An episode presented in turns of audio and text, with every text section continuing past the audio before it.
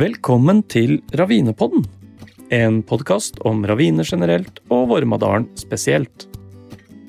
Kulturminnebøndene Eva og Lise, bosatt i Vormadalen, har vært ute med mikrofon på jakt etter ravinelandskapets hemmeligheter. Intervjuene er sydd sammen av Frode Werner.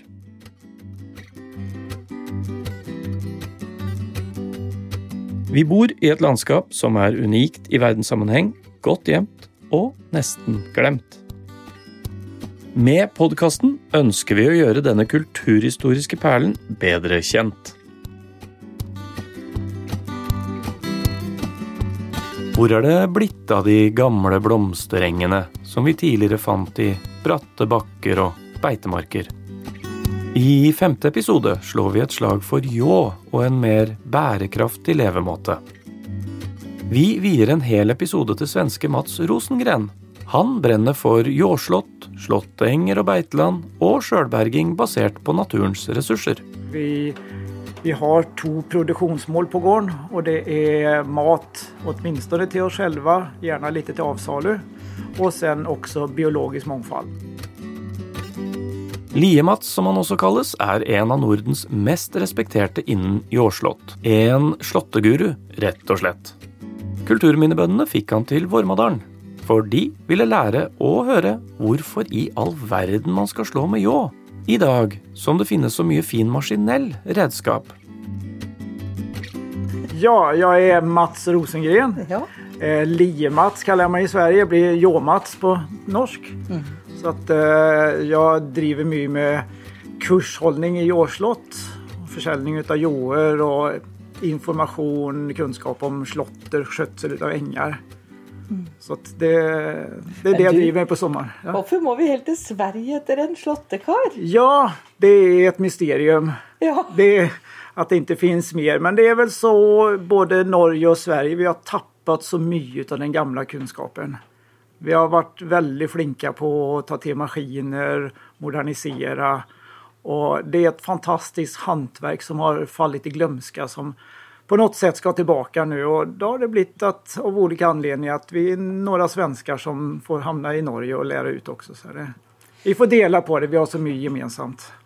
Men, men det er jo Sånn økonomisk sett så er det vel Jårslott det er jo det er dyrt, da, på en måte. For det jo mye timer som med for å slå med ljå sammenligna med maskinell. Ja, det är ju inte så att vi tar ljån istället för traktorslottern. Nej. Utan det är ljån kommer in på andra slotter där det är svårt att komma åt med maskiner. Och eh, särskilt de stora maskinerna som idag som inte kommer in. Och det, det finns många situationer där det är lite stenigt. Många skötsel utav biologiskt väldigt viktiga marker som, där man inte kan köra maskin idag. Där det är stenigt och bratt och sånt, det är där vi har störst biologisk mångfald. Så det är viktigt att sköta ängar för blomster som blir för insekter och sorter utav sopp också. Så att det, det finns många situationer, även i, ser jag i Sverige, att det kommer in till skötsel i boområden, naturreservater, kommuner som tar jordslottet som en del i arbetet. Så att det, det finns en effektivitet också. Så Du sa noe om at interessen for ljåslått var, i- var økende. ja, det är det det, det def, definitivt. Jag ser det både i, i Sverige och Norge att eh, det är fullbokat precis på alla kurser jag har. Och eh, på kursen i Nordmarka vi hade nu så det var 18 deltagare och eh, det var framförallt väldigt mycket yngre studenter som gav väldigt eh, positiv återkoppling efterpå att det var en fantastisk helg. De hade lärt sig om någonting som, som de aldrig hade brukt förr och att det var, gick mycket, mycket lättare än vad de någonsin trodde. Hva tror du disse ungdommene kommer til å bruke Jan til etter kurset? Ja, alltså jag tror lite att de blir först ambassadörer för att jordslåt är faktiskt någonting som man kan riktigt ta i bruk. Eh, Jag fick också en eh, återkoppling på en eh, fyr som var med för två år sedan på Nordmarka. Och han hade skrivit och sagt att han hade fått bruk för Jon på sitt första jobb. Ok. Ja, Vad slags jobb? Jag vet inte vad det var för slags jobb men det kommer in i, alltså jag har mycket utbildning för sån eh, gartnerutbildningar i Sverige som man brukar det där.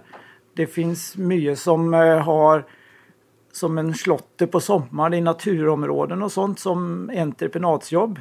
Även unga töser går på slotter någon månad eller så på, på sommaren nu. Utan att bli slitna. För de har en god teknik, de dansar med jån och de har ett vasst gott redskap. Så att det, det, är liksom, det kommer in så mycket mer och mer i, i Sverige och jag tror det kommer att komma likadant i Norge sen. Vem har kommit längst i Skandinavien? Jag tror att vi ligger nog längst i, i Sverige nu. Det gäller att få de som eh, tar besluten uppe i, uppe hos fylkesmannen och kommuner att de känner sig trygga med att det blir ett effektivt jobb när de lägger ut pengar. Och det har hänt väldigt mycket på tio år i Sverige på det. Så att det är mer och mer som läggs ut på att man tar jordslott istället för att ta till maskiner. Betyder det att det är stimulerat ifra, fra, innenfor svensk landbrukspolitik att bruka Alltså man får stötte till att driva med jordslott? Ja, man får ju lite extra stötte på ängsbruk om man använder jå eller annat skärande redskap. Ja. Så att eh, då, då får man lite högre stötte. Sen kan man ju använda en tohjulsmaskin emellanåt också. Men att man, man ska ha ett redskap som skär av blomsterna fint och att man tar bort efter sig sen. Så att man måste fjärna allt gräs och blomster för att få en bra äng med tiden sen då. Så att eh, det finns väl lite stötte så men framförallt så tror jag att man ser att det är faktiskt ekonomiskt också. Att det går så pass fort idag att slå med, med jå. Så att eh, det kan bli ett eh, bättre ekonomiskt utfall till och med. Inte på där det är stora maskiner men på många små, små ställen när man ska slå. Det är lite bratt och besvärligt där du inte kan ta en maskin. Jag syns det var lite artigt att höra att du är självförsynt med grönsaker. Fortell lite om eh, driften på gården din. Ja, vi, vi har ju sedan tio år ett eh, småbruk, jag och sambon min. Det var ett eh, bruk som hade varit konventionellt odlat tidigare med spröjtning och gödsling och så. Och eh, vi har lagt om så att vi kör utan gödsel och gift och vi vi har två produktionsmål på gården och det är mat åtminstone till oss själva, gärna lite till avsalu och sen också biologisk mångfald. Så att vi, vi vill få in mycket blomster och så då blir det mycket insekt och fågel och det blir ett väldigt fint liv runt och det blir ett stabilare ekologiskt system. Och vi är idag så att vi har våra egna grönsaker, potäter, lök, bär och frukt och, och, även kött. Så att vi producerar det mesta av det vi, vi äter, det producerar vi själva. Och vi har fortfarande kvar från förra året som vi kan äta av. Så du kan både producera och du kan förädla det matvarorna eller? Ja, så att vi tar hand om väldigt mycket och försöker eh, konservera, man fryser in, man torkar och sen så får vi en del som vi kan eh, lägga till avsalu också du kan bruka mer än eh, det du dyrker. Du kan du också bruka vilda växter i mat? Ja, då, oh ja. Så det finns alltid vilda växter runt på gården som många eh, inte använder sig av. Så man kan plocka mycket till en sallad bara på att gå runt huset och plocka vilda växter också. Det finns mycket att lära och hämta direkt ur naturen som inte kräver att man ska hålla på med dyrking och allt arbete med det utan man kan plocka det direkt.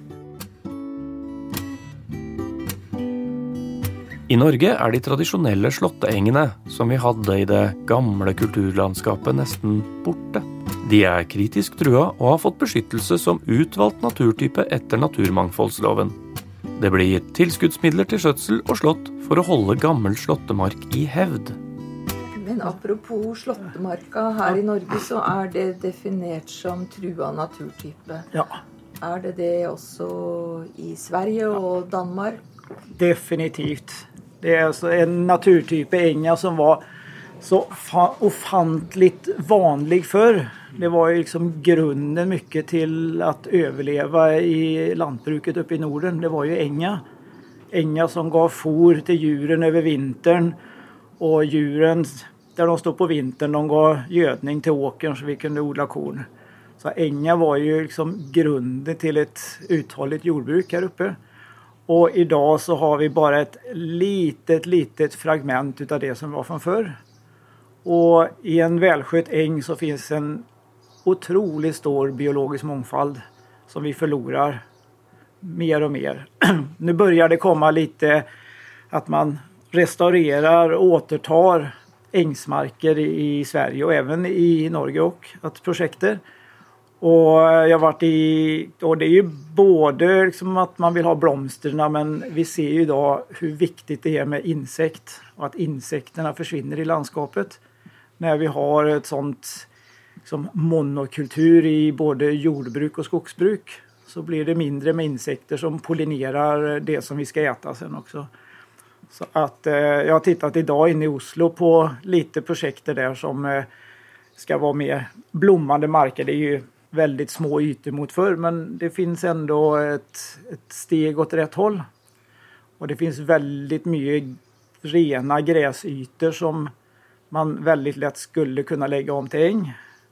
Och eh, det är blivit väldigt populärt i Sverige att i hagen runt husen hemma så då tar man bort en del av plen och så gör man äng istället. Så låter det bli att eh, klippa gräset och sen låter så slår man med jå eller något annat och tar bort och så blir det ängsväxter med tiden. Sen kan man lägga in lite egna fröer så också men eh, slår man och tar bort så näringen går ner så blir det ängsblommor sen också. Är det många som driver sånt som dig? Nej, det skulle jag inte säga att det är många, men vi är några stycken runt som mer eller mindre driver på ett liknande sätt.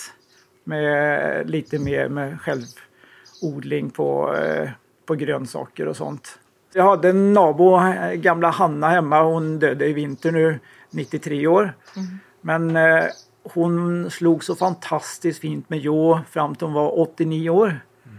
Och de sista åren så gick hon med gåstol men eh, och dålig balans och så. Men med Jon så gick det bra. Och i alla år, hon hade sån fin teknik. Hon var liten, hon var inte så stark. Men hon sa alltid det att eh, man ska låta Jon göra jobben. Och hon slog, det skulle vara slipat, väldigt vasst blad. Så att det hade jag som uppgave att slipa det. Och sen så, så gick hon och slog med, liksom, som man gjorde förr, med god teknik och ingen kraft. Nå sa du slipe. Jeg så ja. du sagt vi skal ikke slipe, vi skal jo. banke. Hvordan, ja, vi ska, det är, ja, det är lite mer komplicerat idag. För att eh, de första 20 åren som jag slog med jå så, så var det de gamla hårda bladen.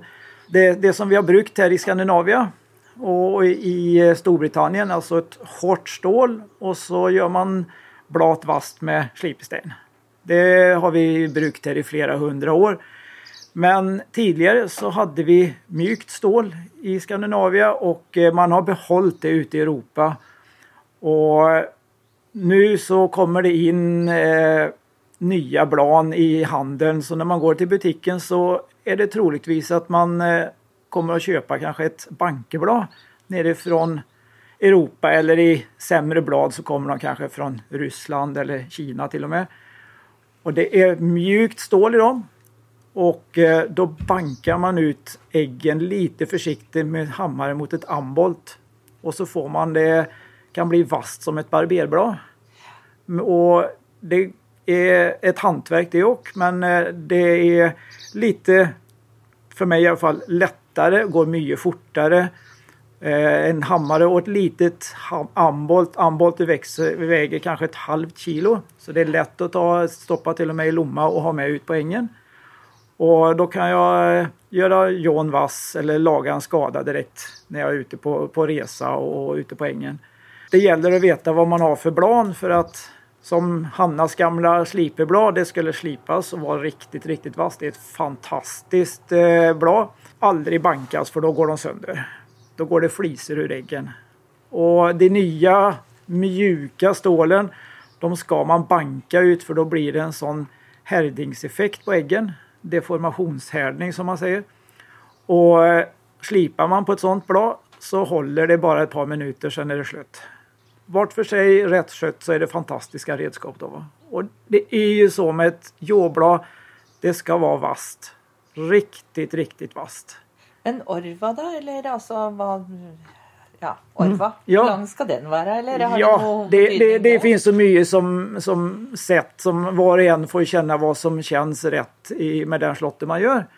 Jag vill ha orven lite längre än vad det var förr. Så att eh, jag kan stå rak i ryggen när jag jobbar och bladet kan ändå ligga nere på, på backen. Så att jag inte behöver lyfta och det är lättare att skära av gräset nära backen än en bit upp. Så att eh, ett långt och bra orv så att eh, jag står bekvämt och med ett vasst blad, då kan jag gå timme efter timme.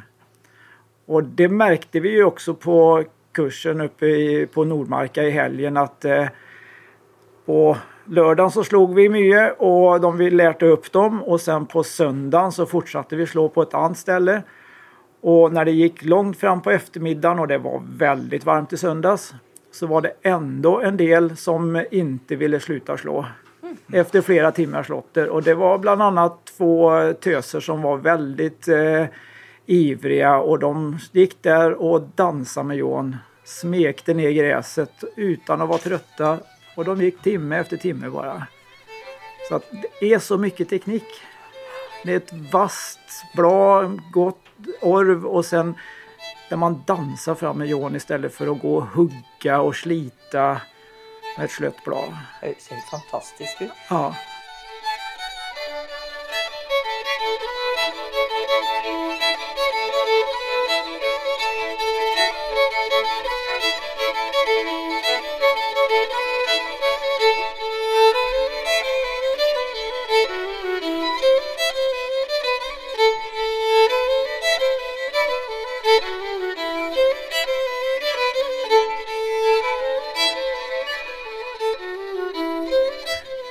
När det blir rätt så blir det väldigt mycket som meditation.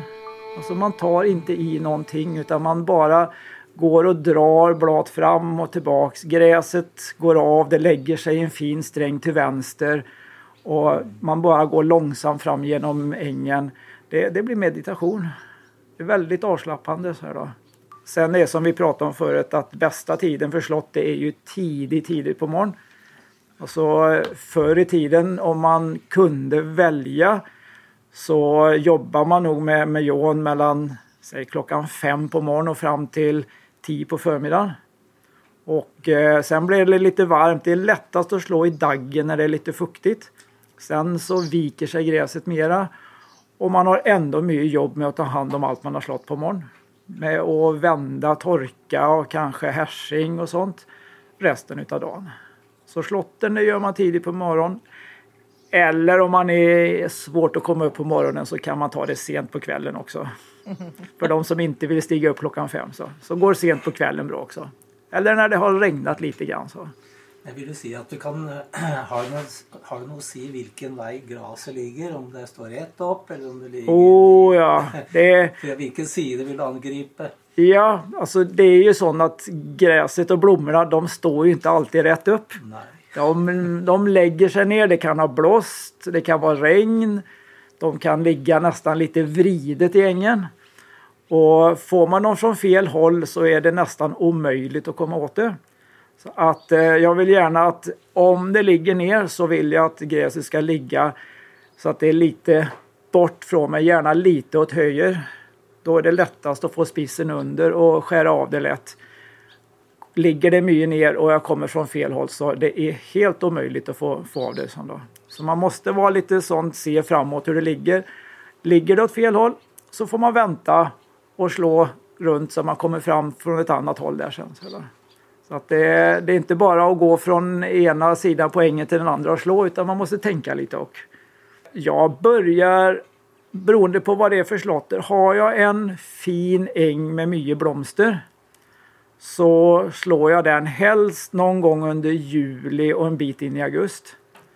Och är det mycket blomster så ska gräset behandlas som man gjorde förr med torking och gärna hänga det men åtminstone att det får torka en fyra dagar för att då kommer frön att, att mogna ut där det ligger på backen och det blir torrt och fröna ramlar ur och blir kvar på ängar. Har vi för bråttom att ta in gräset och blomsterna så följer fröna med från änga och så blir det sämre med blomst med tiden. Det viktiga är ju att man alltid tar bort allt som är slått också då. Ja, alltså vad är vitsen med att slå? I, man kan säga i ängar där vi alltid tar for till djuren då slår vi och tar bort väldigt mycket näring. Och det är ju så vi alltid har gjort. Och det är just det som skapar en situation där blomsterna trivs. För att det blir lägre näringsinnehåll i en äng än i en betemark. Och då finns det växter som har en god konkurrensförmåga. Det som vi ser som de här vackra ängsblomsterna. Om vi låter det ligga kvar gräset, bara slår, så blir det en sån komposteringseffekt.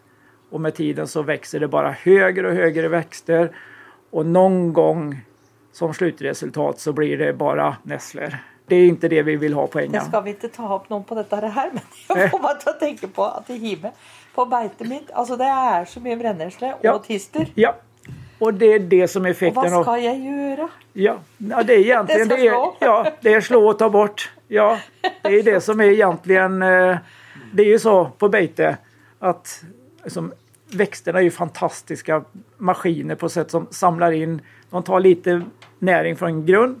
De tar från solen och de tar från luften och skapar väldigt mycket näring. Vi har bete, så har vi den effekten att dyra, de äter det som är gott. Och det som inte är gott, det står kvar. Tistel och annat. Äter och ut i andra kom, ändar kommer gödsel. Och så tar vi hem dem på hösten och så har de gått upp några kilo i vikt. Men mesta utav näringen som är producerat den finns kvar på, äng, på, på betet. Och där växer det lätt både mer och mer och mer. Och i ängar där tar vi bort allt, även det som inte skulle smaka gott. Alltihopa följer med och vi tar bort näring. Så det blir en väldig skillnad i både näringen är låg i ängen, hög i bete och sen vilka växter som får dominera och komma då. Så man bör egentligen ta och, och ta och bruka beite som äng i någon perioder alltså, eller har man nog gjort det ibland Ja. om det har varit möjligt att det är slått för att det, det blir, kan bli väldigt näringsrikt. Och sen finns det ju sånt där vi har haft kanske bete idag. Det är sånt som har varit brukt som, eh, som åkermark också tidigare. Och då finns det oftast gödslingseffekter från tidigare också. Och sen så kommer djurens gödsel uppe på det. Och eh, det kanske inte varit riktigt rätt arter som är smakligt och gott heller. För att djuren är väldigt noga med vad de äter. Det är djuren de är som om du sätter mig framför ett stort bord med mycket eh, kakor och gott. Jag tar ju det som är bäst först. Och det gör ju djuren också. Och det som smakar beskt och bittert, det blir kvar. Trond Kvale han sa ju det när vi var hos han där att eh, han, han ville han mener at det beste i forhold til grassfeed det er at du deler opp jordet i mange småbeter. Ja. Sånn at du eter reint der, Ja, og så flytter du dyret dit, precis. og så flytter du Japp. dit. Och då får du ett gott bete. Ja, och dessutom så blir det sånt att betar av ordentligt där och sen så tar du där och då börjar det växa upp där. Så när de kommer kanske där borta, då är de ordentligt i blom och alla växter får gå i frö och, och sprida sig vidare. När du har ett, ett stort stycke till bara vete. då det som är växter som smakar väldigt gott, de blir alltid uppätna och de försvinner från betemarken. För de blir aldrig frö. För dyra äter upp dem. Det kvar blir de som de inte vill ha. De får gå i frö. N- När, när de har för stora ytor så blir det för mycket som blir förvuxet och det har inte så mycket näringsinnehåll. Utan det som ger mycket näring det är det som är kort och färskt. Det är det som är, liksom, det är inte bara att man ska äta mycket utan det ska ju vara näringsrikt också. Och när man då går i ett stort område och det blir väldigt mycket som är förvuxet, det trampar de bara ner och det blir liggande och det tillför, liksom, det blir mer igengroning hela tiden. Och eh, det är det de får äta sen som är, först ett tag så är det liksom näringsrikt bra bete. Men sen blir det, de går från sån wienerbröd och gott till, sen blir det sån knäckebröd på slutet. Och eh, för att det är för grovt bara. Så får man flytta lite grann så de får ett nytt bra bete hela tiden. och kan komma tillbaks när det har kommit upp en bit sen. Då blir det mer, mer näringsinnehåll i, i maten och. Och det, jag pratade med någon nu som hade dyr ute. Det var nere på Kosteröarna. Det var nog både sau och kuer. De la ut så de hade hö hela tiden ute på vintern. De gick ute på vintern. I februari började de äta utav höet. Innan det så åt de alltid, de hellre att de gick och gnagde smått gammalt gräs och annat ute på, bland klipporna innan de åt vanligt skördat hö. Mm. För det var mer, mer, mer näring och smakligt än det som vi normalt sett alltid utfodrar djur instängda i en. Mm. Och när djuren får välja, de vet bäst. Och då, tänker jag, då fick jag direkt den tanken att vad vi gör fel när vi tvingar djuren idag att äta någonting hela vintern som de egentligen inte vill ha i första hand. Hade de fått välja fritt så hade de gått och ätit ute. Och det, jag tror att det händer väldigt mycket i, i kunskap på, på detta området också. Och att där det, man måste få se liksom, vad är det vi har för mål och syfte med det vi gör. Mm. Och, och det tror jag att liksom vi har delat lite grann vad vi har för syfte med det men vi, vi brukar tänkandet från det syftet när vi gör in det och då, då blir det helt galet. Och, och, att det ibland är det så att vi, vi ska ha som, som kommer man på ett, ett eh, ibland när man har som i, när vi hade när jag jobbade på Fylkesmannen, vi hade egna statliga dyr i många år. Och vi ville skapa bra naturvård och då var det egentligen mer att ha så få djur som möjligt som gav tillräckligt resultat. Och sen när man ska ha det väldigt kommersiellt då ska man ha så många djur som möjligt på ett område för att få mycket kött och avkastning. Mm. Och då vill man helt, två helt olika saker. Då måste man tänka på två helt olika sätt. Och dessutom så upplever jag, jag hade en arrendator, en bonde hemma. Eh, sonen var väl i 40-årsåldern och, och, mannen han var, en, eh, han var pensionist. Men de hade en otroligt god gammal kunskap om detaljer i precis när de skulle släppa på bete, när de skulle, ska vi slå idag, när vi väntar ett litet tag till och för att få precis lagom växt, lagom mognad på allting hela tiden. Det, det var en sån där fingertoppskänsla. De var ute och tittade och kände precis vad de skulle göra istället för många som de, man bara kör. Och man har för mycket marker och man måste börja och köra även om det inte är dags att köra så kör man. Mm. Men de var väldigt noggranna hela tiden med vad de gjorde och de, liksom, det var liksom, de kunde liksom känna att nej, inte, inte, nej, vi väntar i tre dagar till nu. Så det, det är liksom den kunskapen som bonde hade förr. Idag så eh, sitter man vid en dator och sen så kör man en stor maskin och man, man ser knappt vad som händer runt omkring. Mm. Det, så den, och, och, det blir så det kan funka i ett storjordbruk kanske men ska man göra det här lite effektivt på en mindre yta det gäller att bruka den ytan på ett effektivt sätt. Mm. Och att man inte förstör för sig själv i sista, nästa steg. Mm. Att man kör på en mark som blir packad onödigt mycket för att man kunde väntat lite istället. Och så.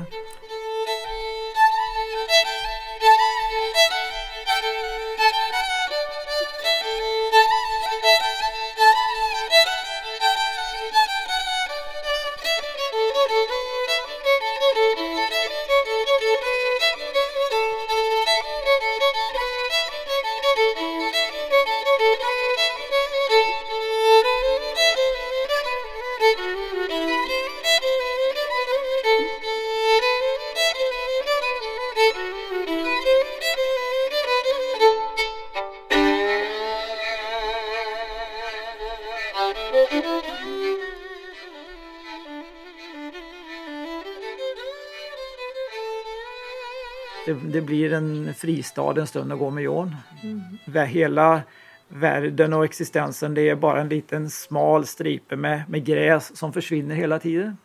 Mm. Och allt det andra det, det är bara borta. Men eh, vi människor vi, vi tränger en lugn och en frid i dagens samhälle som där det bara trummar på med information och, och ljud och det är för mycket. Hva er din motivasjon for å For du sa det i stad, at du har, du har jobba i eh, fylkeskommunen i Sverige. Ja, Og så nå driver du som eh, bonde på fulltid ja. på en liten gard. Hva Ja. var det som eh, gjorde at du gjorde det valget? Vi hade ju småbruket och jag hade jobben och jag hade jordföretaget som växte. Och det blev för mycket i livet. Och till det småbarn. Så att det, det var en sån eh, tidskalkyl som inte gick ihop. Och jag stod inför ett valg och då tog jag bort jobbet på Fylkesmannen. Jag tror att dels att söka lite mer livskvalitet.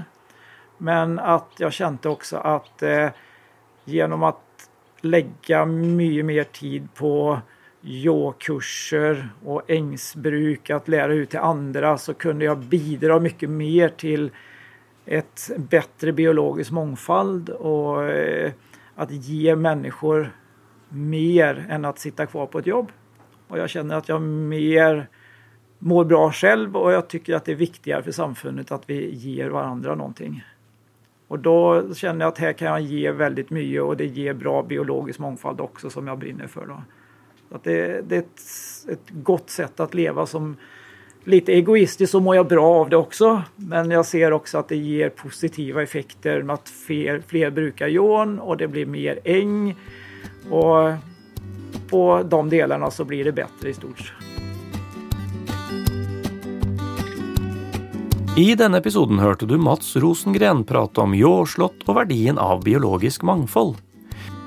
Felemusikken i episoden er fra en slott, opprinnelig skotsk, spilt inn av fiolinisten og komponisten Hege Rimestad. Dette er en slott som hun har spilt i Slåttenga sammen med to skotske felespillere. I neste episode hører vi fagfolk snakke om verdiene i det gamle landskapet, og de kommer også inn på Slåttemarka. Vi byr rett og slett på mer av ravinedalenes hemmeligheter. Du har lytta til Ravinepodden, en podkast om raviner generelt og Vormadalen spesielt. Laget av Eva Nordby, kulturminnebonde med guidede ravinevandringer i Vormadalen. Lise Christensen, med gardsturisme på Prestenkesetet Huser. Og bygutten Frode Werner, som ser bygda med nye øyne. Musikk har vært ved Bernt Karsten Sannerud, Marius Lien og Marius Sjøli. Og gjerne lik og abonner på oss der du finner podkasten din.